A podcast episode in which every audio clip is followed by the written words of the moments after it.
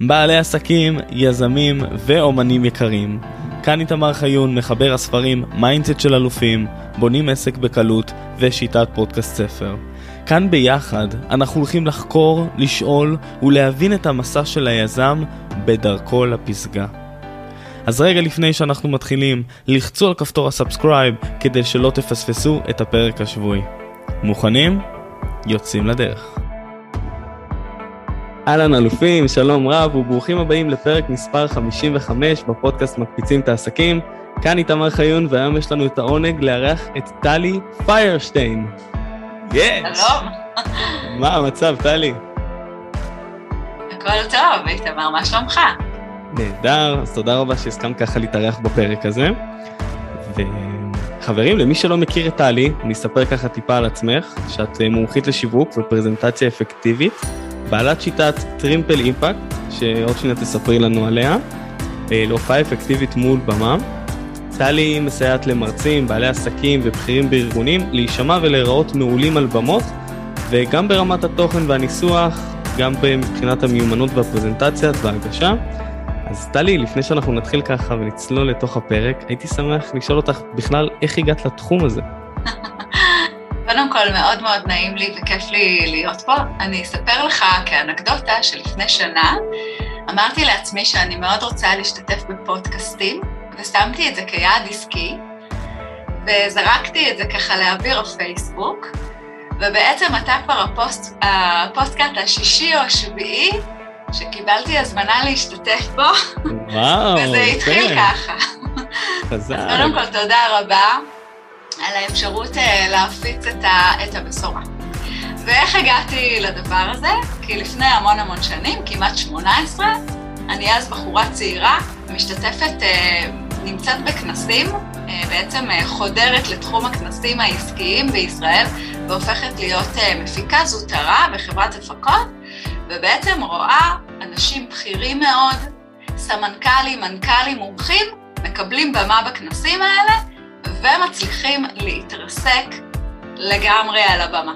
לא מצליחים להעביר את מתנת הידע שלהם, הם לא מצליחים לדבר מספיק ברור, הם לא מצליחים לסחוף, ומשהו שם קורה ואני מבינה ש, שאפשר לעשות דברים קצת יותר טוב. ככה זה התחיל, לפני הרבה מאוד שנים. יפה. אחר כך אני אספר לך עוד כמה אנקדוטות. אה, מגניב, מעניין אותי, את זאתי שעמדת מהצד ואמרת, וואלה, אני יכולה לעשות את זה יותר טוב. אה, עמדתי מהצד, לא חשבתי שאני יכולה לעשות יותר טוב, פשוט היה לי ברור, דווקא מהסתכלות מהצד זה יותר קל, כי הגמל לא רואה את הדבשת של עצמו. דווקא למישהו חיצוני יותר קל לראות, וואו, הוא היה יכול לשים את זה שמה, ואם הוא רק היה אומר את זה ככה, זה היה כל כך הרבה יותר ברור. ואיך הוא התחיל מהשם שלו, שהדבר שהכי מעניין את הקהל זה למה כדאי להקשיב לו, וכל מיני דברים כאלה, ובמשך כמה שנים טובות הולכת ומתהווה איזושהי אה, תיאוריה יישומית, ו, אה, ו, ולפני עשור פתחתי את העסק הזה, שהוא בעצם תולדה של כל מה שנעשה לפני זה. על איך עובדים טוב, מדהים, רהוט, מדויק, סוחף, מול קהל. וואו, וואו, זה ממש מעניין, יפה, כבר אהבתי את זה. אז הייתי שמח שנתחיל ככה מה, מה basic, מה שנקרא. מה זה השיטת triple uh, impact שפיתחת? אה, זה לא כל כך basic, אבל, uh, אבל באמת מה שאתה שואל, זה מה היו המרכיבים עם דובר, מרצה, מומחה, בעל עסק שיש לו רעיון, או משהו למכור, שזה בדרך כלל מה שקורה, או איזושהי אה, תוכנית מסוימת שמאוד מאוד חשוב לו שהקהל ששומע אותו יבין מה בעצם צריך שיהיה שם בפרזנטציה הזאת. Mm-hmm. כן, היום הרי יש לנו, יש את התוכנית הכרישים, ושם אה, יזמים רוצים כסף, וכולם נורא עוסקים בפרזנטציה שלהם, שיש כל מיני שיטות, ובעצם אנחנו נשאל את עצמנו מה הדבר שהכי חשוב שנכניס ובאיזה סדר הדברים צריכים להיות בשביל שהקהל שלנו ינוע לפעולה. אז השיטה הזאת בעצם עונה על השאלות האלה. היא בעצם לוקחת את המקום של התוכן, איזה תוכן צריך להיות, איך צריכה להיות הפרפורמנס, שזה החלק השני, ואיך אנחנו נניע לפעולה, כי בדרך כלל מי שעובד איתי רוצה שמישהו יקנה את הרעיון שלו, את המוצר שלו, את השירות שלו, בדרך כלל אלה פרזנטציות עסקיות שיש להן אה, רצון לקדם מכירות. אז זה נכון. יהיה החלק השלישי. אז זאת השיטה. אוקיי, okay, יפה. אז בוא נגיד, אה, למי שלא מכיר את השיטה, ונגיד עכשיו אני כבר עומד מול קהל של אנשים, אני רוצה להבין איך אני יכול כאיתמר להפוך להיות יותר אפקטיבי עם המסר שלי, כלומר שאנשים יבינו יותר טוב את המסר שלי, אז מה, מאיפה אני בכלל מתחיל? אז יהיו, תהיה סדרה של כמה שאלות שאני אחשוף אותן תכף, שבעצם אני כדוברת, כדובר, ארצה לשאול את עצמי לפני שבכלל כתבתי מילה אחת בפרזנטציה. בהדרכות שאני מקיימת אה, במשרד החינוך, שאני אה, מאמנת הדוברים הראשית על כל הכנסים שלהם, במשטרת ישראל שאני מובילה שם סדנאות ובחברות וארגונים אחרים, אנחנו נתחיל תמיד בשאלה של מה המסר העיקרי. אם היה לי רק דקה לדבר, והקהל שלי אין לו סבלנות לשמוע יותר, מה הדבר הכי חשוב שאני ארצה שיעבור? אוקיי, זה דבר ראשון, תמיד אפשר להרחיב, אם יש לי שעה זה יותר קל, תמיד אפשר להרחיב, אבל לצמצם זה הבעיה. אז אנחנו נתחיל מהצמצום.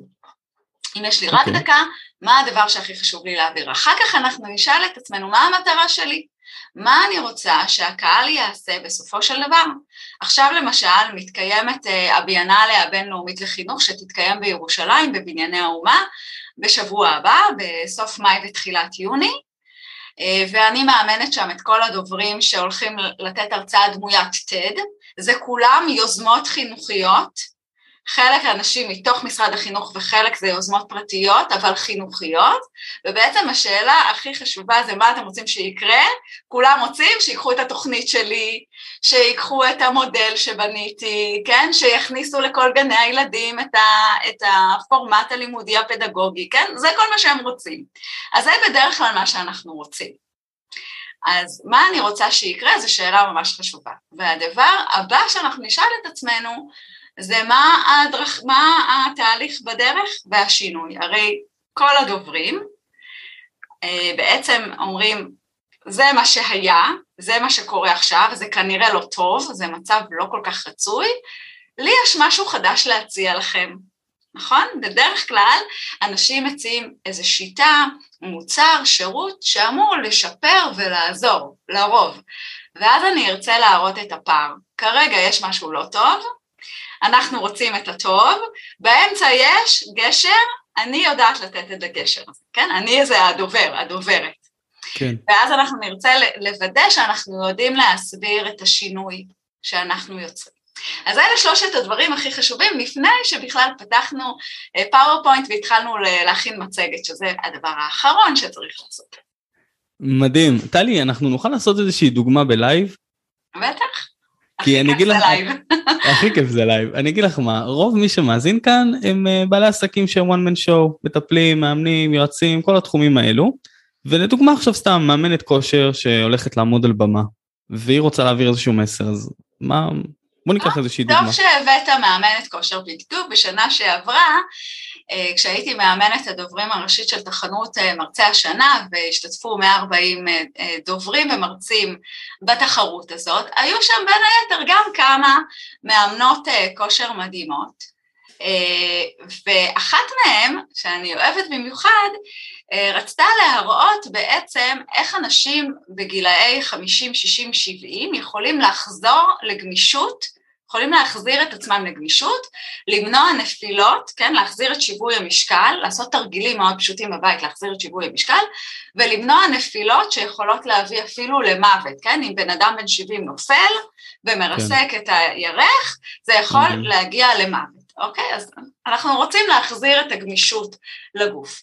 אז אם אנחנו ניכנס לנעליה של אותה בחורה ונשאל מה הייתי אומרת על במה, אז קודם כל אני אדבר על הצורך, על הבעיה, נכון? אם אתה תיפול, אתה יכול למות. זה חתיכת בעיה. הדבר השני, אנחנו אולי נראה כמה דוגמאות של אנשים שכבר עברו את התוכנית הזאת, והנה מה יכול להיות לך בעוד רגע, כן, אם אתה תיכנס לתוכנית שלי, בתור מאמנת לגמישות לגיל אה, מבוגר, אז הנה אתה תחזור, תוכל אה, לכופף את המפרקים, לרדת במדרגות, להרים את הנכדים, אז אנחנו נרצה לראות מה קורה בסוף התהליך, נכון? אז היה לנו פרק על הבעיה, היה לנו פרק על הוכחות חברתיות או מה היו התוצאות, ואז יהיה לנו פרק של, של השינוי, כן? מה צריך לעשות, ובדרך כלל ניתן כמה טיפים. גם היום בבית אתם יכולים להתחיל כבר עכשיו לרדת רק חמש מדרגות אה, אה, ולהתחיל את האימון שלכם, כן? סתם אני ממציאה. אתם יכולים רק לעשות 1, 2, 3 ובעצם להתחיל. כמובן שהסאבטקסט אומר, אה, אתם כנראה לא תדעו לעשות את זה לבד, ולכן בואו אליי כמאמנת הכושר, יש לה תוכנית מדהימה באמת. כן, אז זה ככה טיפה על איך היינו מתחילים לבנות הרצאה שכזו, לדוגמה. יפה, מגניב ביותר, אהבתי את זה. אוקיי. okay. מעולה. עכשיו השאלה שלי היא, הרי את עוזרת למרצים לבנות את הפרזנטציה שלהם, ואת עוזרת לעמוד מול במה, אבל אני חושב שאת מכניסה בהם יכולות העצמה. והייתי דווקא רוצה לשאול אותך, אילו, אה, אילו דברים את מכניסה בהם? האם אני עושה, נותנת מוטיבציה? תראה, אחד הדברים שהרבה מאוד דוברים אה, באים זה עם החששות לגבי התוכן. הרבה מאוד אנשים שמדברים על דברים מרתקים, מרגישים שזה משעמם. אולי בגלל שהם נורא מכירים את התוכן שלהם, הרי המומחים שאני עובדת איתם הם נורא שוחים כל הזמן, לפעמים כבר 20 שנה, 15 שנה, בתוך התוכן שלהם. אז הם נורא נורא רוצים לשמוע שזה מעניין ומרתק. בדיוק אה, שלשום התחלתי תהליך עם מומחית למכרזים, אה, שיודעת לעבוד עם המדינה והולכת לבנות הרצאה מדהימה מדהימה לאנשי עסקים וחברות בינוניות וקטנות על איך מנצלים את ההזדמנויות של תקציבי המדינה ונכנסים לעבוד עם המדינה או עם הרשויות המקומיות. ובסוף הסשן היא אמרה לי, מה זה נשמע לך שזה מעניין? ואמרתי לה, מה זאת אומרת? יש כסף על הרצפה. את יודעת, כן, יש כסף על הרצפה, המדינה שמה תקציבים. אה, בעלי חברות היו מאוד רוצים להבין איך עוברים מכרזים יותר טוב, וזה יהיה שוס, איך את יכולה בכלל לחשוב שזה אה, לא מעניין? אז צריך הרבה אה, ככה לתמוך בהם מהמקום הזה, אבל מעבר לזה, ברגע שהם רואים את התוכן שלהם כתוב טוב, אז זה מיד בונה ביטחון, כי זה כיף להעביר הרצאה שבנויה נכון, וזורמת, וכאילו, כזאת, מעצימה מאוד אותם. אז כן. מדהים, אז בואי נצלול רגע ונבין איך אנחנו בונים אותה נכון. כלומר, ממה היא בנויה, אלו יסודות, אלו עקרונות. אז כמו שאמרתי, היסודות הם מאוד יסודות שיווקיים. אה, אנחנו נדבר על הבעיה ממש, כן, הרצאה, נקרא לזה הרצאה שיווקית, הרצאה של מומחה שמעוניין להביא עוד לקוחות בעזרת הפרזנטציה הזאת, או לגייס כסף, תמיד ידבר על הבעיה, כלל ראשון לשיווק, אנחנו רוצים קודם להבין שיש כאב ראש לפני שאנחנו מציעים אקמול, בסדר? אנחנו נכון. רוצים להראות לקהל שיש בעיה, הבעיה הזאת חמורה, אבל יש לה פתרון. אז תמיד יהיה לנו את הבעיה, יהיו לנו הוכחות חברתיות, יהיה לנו כמה עקרונות ישימים, ובסוף יהיה לנו סיכום עם איזושהי קריאה לפעולה. אז זה ככה נורא סכמטי, נורא נורא בגדול, של איך מתחילים להרכיב הרצאה. אחר כך נכנסים ל bits and bytes, וממש מנסחים, שמים כפתורים שיווקיים, עושים את החיבורים הנכונים, כן, ומאמנים את הדובר לדבר את זה רהוט. אבל ברמת okay. אוקיי. העיקרון זה ככה, בגדול זה זה. זה המבנה, זאת אומרת אם יש לי הרצאה של עשר דקות אז אני יודע לחלק את זה בעיה שתי דקות, פתרון או... נכון, יהיה כמובן הצגה עצמית, נכון, אני ארצה כן. להבין מאיפה אתה מגיע, אז יהיה לי הצגה עצמית, תהיה לי בעיה, יהיה לי את ההוכחות החברתיות או את התוצאות, כן, מה היה קורה אם היינו מכניסים את הפתרון שאני אדבר עליו תכף, כן, אותו מומחה או מומחית, ואז יהיה הסבר או עקרונות של הפתרון. בהחלט. אוקיי, okay. יפה, זה כבר מתחיל לסווה את המוח, יפה, אהבתי. אבל הכי חשוב, הפתיח העוצמתי. הפתיח העוצמתי, שיזכרו אותנו, וגם הסיומת, נכון? וגם הסיומת, הם ה... עובדים ביחד, והסוד הוא לכתוב אותם בסוף. אחד הטעויות הגדולות זה שאנשים פותחים אה, מסמך וורד, יש דף לבן, והם חושבים איך הם יתחילו את ההרצאה, ואז הם חושבים על איזה בדיחה או איזה אנקדוטה, הם נתקעים, ואסור אסור אסור לעשות את זה. קודם אנחנו נבנה את הנקודות העיקריות של מה שחשוב לי להעביר, ורק אחרי זה אני אחשוב איך אפשר לחבר פתיח נכון, אה, mm. שהקהל גם יתרגש ממנו וגם יבין את הפואנטה שלנו, אבל זה בסוף, זה קורה בסוף. אוקיי, יפה. אז את אומרת, זה, זה מעניין מה שאת אומרת, כי קודם כל אנחנו בונים את הנקודות. כלומר, אנחנו לא מתחילים לא מהסוף ולא מההתחלה, אנחנו מתחילים נכון, מהאמצע. נכון, מתחילים מהאמצע. וואו. מהנקודה העיקרית. מפיתוח הפתרון. מפיתוח פיתוח הפתרון. הפתרון. יפה, נחמד, אנחנו הולכים לבנות פרזנטציה, כבר אהבתי. איזה כיף. לגמרי. תגידי, העיוורון התוכן זה...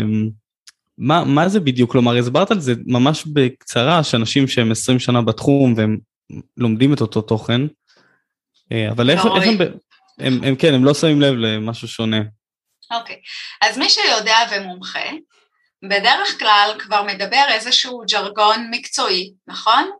הוא כבר נכנס מאוד לתוך עולמות התוכן שלו, הוא יודע את הדברים, והוא קצת שוכח שהקהל שלו לרוב לא מכיר את מה שהוא יודע בכלל. ולכן אנחנו נרצה, אם אנחנו רוצים לעשות פרזנטציה אפקטיבית ובאמת באמת טובה, אנחנו נרצה רגע לקבל איזה פידבק חיצוני ממישהו שפחות מכיר את התוכן שלנו, כן? לא, אפילו לא ממישהו מאותו תחום, בשביל שהוא יהיה לנו רגע אוזן, האם אנחנו מצליחים להעביר את הנקודה. בדרך כלל כשאני שומעת מומחה, כן, שאני מאמנת אנשים לכנסים או להרצאות, ואני מבקשת מהם להציג את התוכן, אני מסוגלת להראות להם בכמה דקות שהם בעצם אה, אה, קיימו את הטעות הכי גדולה, שזה פער הידע. הם מדברים במושגים של מובן מאליו, מובן מאליו שאתם מבינים בדיוק את מה שאני מדבר, את הז'רגון המקצועי שלי, בעוד שאנחנו חייבים לרדת לרזולוציות של הסברים. אוקיי, אפילו, אפילו אתמול היה לי אימון עם אה, אה, מישהי אה, ממשרד החינוך שהולכת להופיע באיזה כנס, והיא אמרה את המילה פעל, פעלנות, אז שאלתי אותה מה זה פעלנות. היא לא ידעה להסביר לי למרות שהיא עושה את זה, אז הלכנו רגע למילון, פתחנו מה זה פעלנות, כן? וראינו שזה היכולת של לומד להיות אקטיבי בתהליך הלמידה שלו. ואנחנו רוצים להכניס את זה, אני לא יכולה לצאת מתוך נקודת, אה, זה זיכרון ראשי אצלה בתיאוריה הפדגוגית, כן? אה, כן. אז אנחנו לא יכולים לצאת מתוך נקודת הנחה, אפילו אם אנחנו מדברים למומחים. אפילו אם כולם שם במערכת החינוך נמצאים, כן? כל האנשים עוסקים בחינוך, והיא כאילו באה מהתחום, לא כאילו, היא באמת באה מהתחום, אנחנו לא נצא מנקודת הנחה שה, שאנחנו, שהדובר, שהמקשיבים שלנו מבינים למה אנחנו מתכוונים. אז עיוורון התוכן זה המקום שבו אני שוכחת שהקהל שלי אה, לא מכיר את מה שאני יודעת, וצריכה לרדת לרזולוציות בשביל שאני אוכל לחבר אותם ולסחוף אותם ולעניין אותם וליצור מצב שהם מבינים ורוצים להמשיך הלאה, אני חייבת לזכור שהם כנראה לא יודעים את מה שלי יש בראש. וואו, יפה, נקודה ממש ממש חשובה. כן, זה באמת חשוב. וזה מה שהעסקתי כשהייתי אז מפיקה צעירה ועמדתי ליד הדלת ואנשים דיברו, ויכלת לראות על הפנים של הקהל שהם לא עוקבים, הם לא באמת מבינים מה המומחה הזה, במיוחד שהפקתי כנסים רפואיים. זה היה אז ברור ממש, הרופאים היו אי שם במחקר שלהם, והם ציפו, הייתה באמת ציפייה של הדוברים שהקהל שלהם יבין אותם. זה הוכח כן. כלא נכון. אז, אז הנה, אז את בדיוק מרימה לי להנחתה לשאלה. תראי, אני רוצה לגעת איתך טיפה באינטונציה, אוקיי? למשל, אני, אני אספר סיפור ש, שלי קורה בחיים. הייתי מדבר עם אנשים פעם, ופשוט הייתי מסתכל להם בעיניים, ואיפשהו הייתי מתחיל לראות תנועות גוף כאלו, את יודעת, פתאום פיוק, או פתאום כזה מתחמקים, או... וסתם היינו מדברים שיחת חולין. עכשיו השאלה, האם זה קורה גם למרצים שהם מרצים על משהו, ואולי האינטונ... האינטונציה, נכון אמרתי את זה בסדר? אינטונציה זה הקול שלנו, זה איך נשחק עם הקול. אתה מדבר על שפת הגוף, ואתה מדבר על שפת הגוף של הקהל. אז בואו נעשה רגע סדר. כן, בואו נעשה אוקיי? סדר. יש שפת הגוף שלי כדוברת על במה. האם אני בטוחה בעצמי? או האם אני מסתתרת, ורואים את זה בהרבה דברים. פעם למשל דוברים עמדו מאחורי פודיומים, היום פודיומים לא קיימים יותר, כן, בכנסים נכון. רציניים, פודיומים בתור ילד אני זוכר את זה, נכחדו, נכון. אוקיי, למה? כי אנחנו רוצים להיות בגוף, אז אם אני משירה מבט לקהל, אם אני מסוגלת לשחק עם הקול שלי, אם אני עושה פאוזות במקומות הנכונים, ואם אני קצת עושה דרמה, כן, אז אני יודעת לשחק אותה על במה. אוקיי? שזה חלק mm. מהאימון, זה נקרא אימון דוברים. אתה שאלת האם מרצה מיומן ידע לקרוא את שפת הגוף של הקהל ואז לאלתר באמצע ההרצאה בשביל לתת מענה. זאת אומרת, אם עכשיו אני רואה שחצי מהקהל שלי מפהק, האם, כ... וזה נקרא התנגדויות קהל, וגם בזה מטפלים בתהליך של בניית הרצאה, כן. אוקיי? התנגדויות של קהל, גם במלל וגם בשפת גוף של קהל, ואז בעצם אני אצטרך לעשות משהו מאוד דרסטי כמרצה מיומנת, או כזאת שעברה הכשרה מתאימה, בשביל לייצר תוצאה הפוכה ממה שאני רואה כרגע מול העיניים, שיוצאים לי, או משחקים בטלפון, או מפהקים, או מדברים וכולי. אז יש כל מיני טריקים שאני כמרצה מיומנת אוכל לעשות בשביל להחזיר את הקשב של הקהל, חלק מזה זה שאלת שאלות והפעלה של הקהל, חלק מזה זה עצירה מתודית, חלק מזה זה שינוי דרסטי של הדברים שבחרתי להגיד, כמובן ככל שאתה יותר מיומן תוכל לעשות את האלתור הזה בצורה יותר נכונה, ואם אתה מאוד מיומן אז הקהל בכלל לא יגיע למצב הזה של פיוקים וחוסר קשר. נכון, בסדר? כן. אבל זה באמת שני דברים שונים, אז יש לי את שפת הגוף שלי כדוברת ויש לי את מה הקהל קורה לו ומה הקהל עושה כשאני נמצאת על הבמה. שני דברים שונים. וואי. מקווה ש... כן, כן, זה עולם ומלואו. מה זה, זה עולם מדהים, איזה מטורף זה. מטורף. יפה. אז אילו, מעניין אותי, אילו, אילו עוד אתגרים אה, יש, יש למרצים שהם בתחילת דרכם? בוא נגיד מי שעכשיו אה, מאזין לנו ורוצה להיכנס לתחום הזה, או שאפילו מרצה בפני עשרה אנשים, עשרים אנשים, ורוצה לעשות את הקפיצה. יש לנו אה, בעצם אה, כמה אתגרים אה, גדולים שלכולם יש תשובה. האתגר הראשון זה אם אני מרצה חדשה וההרצאה הזאת אמורה לקדם את העסק שלי, הדבר הראשון זה איפה אני מוצא, מוצאת במות. והאמת היא שאני אשמח לתת קישור, כשתוכל לשים, בפו, אני לא יודעת אם יש לך אפשרות, בוודאי, יש, יש, יש אפשרות. לשים קישור להדרכה שמדברת ממש על זה, איפה אני מוצאת במות לדבר עליהן, הזדמנויות לדבר עליהן, כשאני אה, בעצם בתחילת הדרך שלי, אה, וזה לא חייב להיות בתחילת הדרך העסקית שלי, זה יכול להיות בתחילת הדרך שלי כמי ששמה לעצמה את האג'נדה להפוך להיות אוטוריטה ולהופיע על במות בכנסים ובאירועים ובהרצאות. בסדר? אני יכולה להיות מאוד ותיקה בעסק. אבל כמרצה אני חדשה, ואז יש לנו את האתגר הזה של איפה אני מוצאת את הבמות שמתאימות לי מול קהל שמתאים לי, ושאכן אם אני אעלה מולו, ייווצר האפקט הזה שירצו לקנות ממני, יכירו אותי והאוטוריטה שלי תיבנה. זה דבר אחד.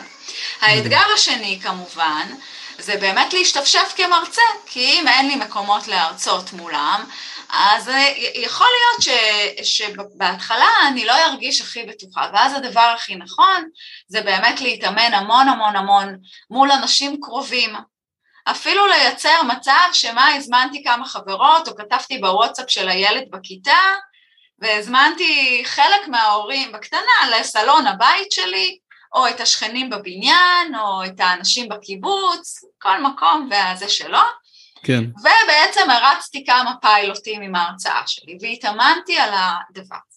והאתגר האחרון זה כמובן המכירה מול הקהל, זאת אומרת אם אני באמת רוצה לייצר מהדבר הזה קידום מכירות, אז השאלה תשאל איך אני בונה את ההרצאה, שזה לא יהיה סליזי, שזה לא יהיה בולט מדי, שזה לא, יהיה, שזה לא ירחיק את הקהל, שזה לא יגרום אה, לאנשים להרגיש שדחפו אותם וכולי וכולי. אה, פעם עבדתי עם מנכ"ל של חברה, זה היה לפני כמעט שבע שנים, הוא ייצר מה... אה, מארבע הרצאות אה, מכירות של כמעט רבע מיליון שקל, אבל בהתחלה, לפני שהתחלנו לעבוד, הוא אמר, אני לא רוצה להיות פושי מדי, אני לא רוצה שהמעמד מכירה יהיה מאוד uh, כזה וולגרי ולא מתאים, אז זה היה כנראה מספיק לא וולגרי בשביל שבערך uh, 250 אנשים יצטרפו לעסק שלו באלף שקל כל אחד. אז, אז זה מאוד חשוב שזה יהיה. אז אה, זהו, אז יש לנו בעצם שלושה אתגרים גדולים, למצוא את הבמות, להתכונן לקראת הבמות האלה ולייצר הרצאה שעומדת בציפיות של העסק שלך, כן? שלך כמומחה, אתה לא, אנחנו לא מרצים ומרצים ומרצים סתם ולא רוצים, ש...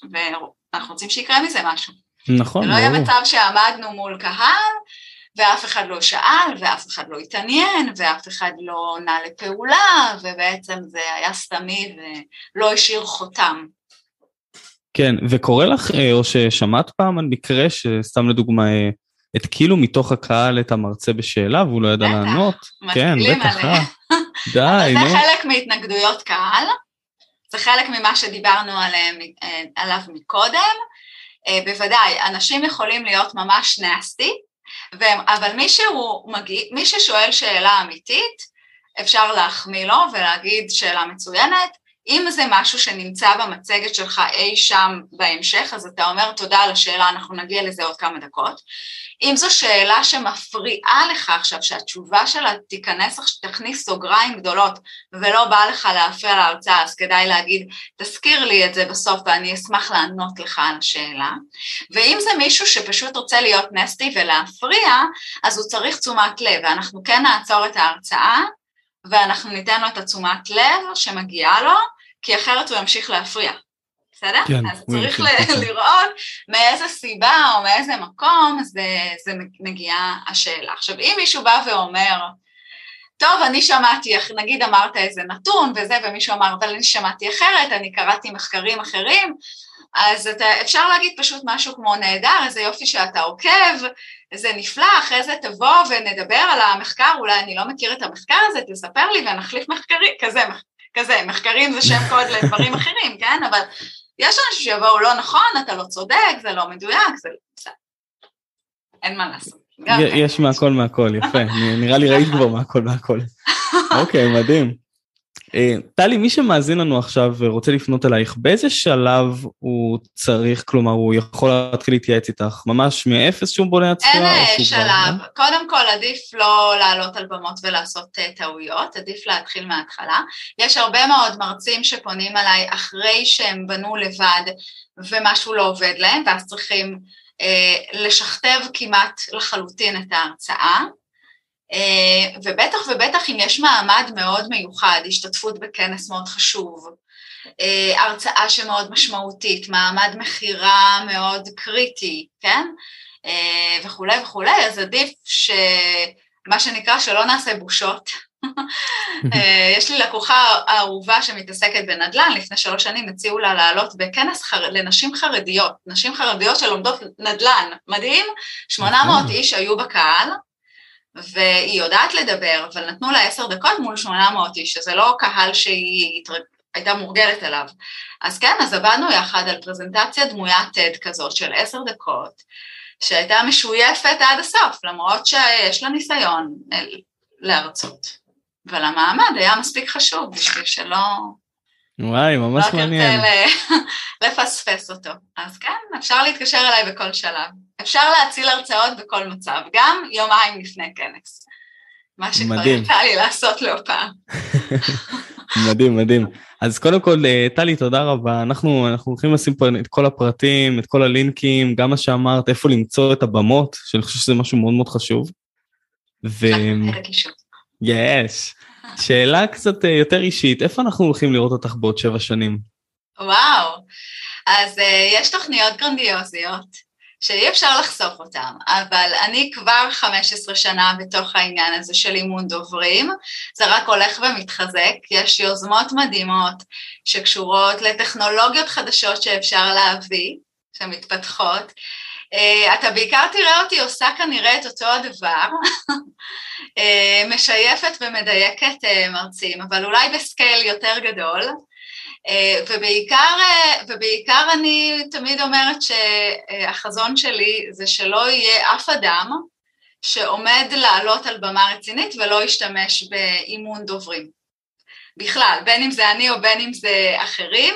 כשאני התחלתי לפני 15 שנה היו בודדים, היום יש קצת יותר, יש בערך 60 מאמני דוברים בישראל, אבל עדיין אל מול אה, עורכי דין אנחנו ממש מתי מעט.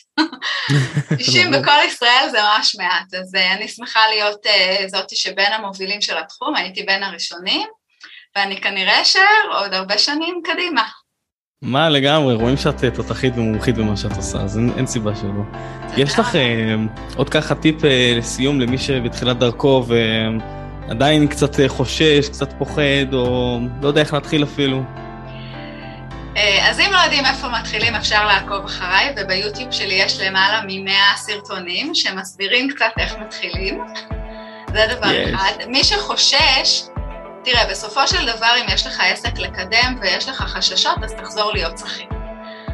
זאת אומרת שאם יש איזשהו חשש לקדם את העסק שלך ובכל תרועה גדול להיות שם בפרונט ולהגיד הנה העסק שלי, הנה המוצר שלי, הנה השירות שלי ואיך אתם חייבים לקחת אותו, אז אולי אנחנו לא במקום הנכון, ואולי צריך לקחת איזשהו סיוע רגשי שיעזור לנו רגע להיות במקום הנכון הזה. ברגע שאנחנו במקום הנכון זה רק עניין של איזה תוכן אנחנו נדבר.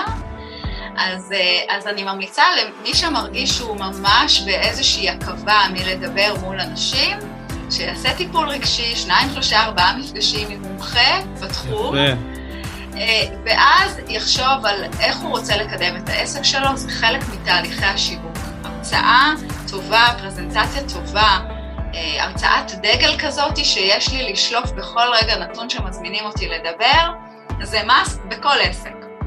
must. מדהים. אז קודם כל להתמודד עם התסמונת המתחזה או עם משהו שאנחנו מרגישים שאנחנו לא מספיק טובים בו, ולאחר מכן אה, להתחיל לעקוב אחרי טלי. לתת בראש, ברור. כן, ולתת בראש. ברור, ברור. מעולה. יופי, אז טלי, תודה, תודה רבה לך. תודה לך. צריך לקחת את כל הידע המדהים הזה, סחטיין עלייך, שיחקת אותה. אמ, ואיפה אנחנו יכולים למצוא אותך? יוטיוב, אינסטגרם, איפה את נמצאת? יוטיוב, אינסטגרם, אני פחות נמצאת, אני נמצאת בלינקדאין, כי אני פונה לקהלים מאוד מאוד מקצועיים, טלי פיירשטיין באנגלית, בפייסבוק טלי פיירשטיין בעברית, אה, וכמובן ביוטיוב יש לי ערוץ יוטיוב, טלי פיירשטיין Triple Impact, ואפשר אה, למצוא את התכנים ולראות אותם, אבל אל תיתן למאזינים שלך לעבוד קשה, אנחנו נשלח להם את כל הקישורים. כל הלינקים הולכים להיות כאן בתחתית העמוד, אז חברים רוצו לעקוב אחרי טלי, אלופת עולם. ותודה לך, ותודה רבה שהאזנתם לפרק הזה, אנחנו נתראה בפרק הבא.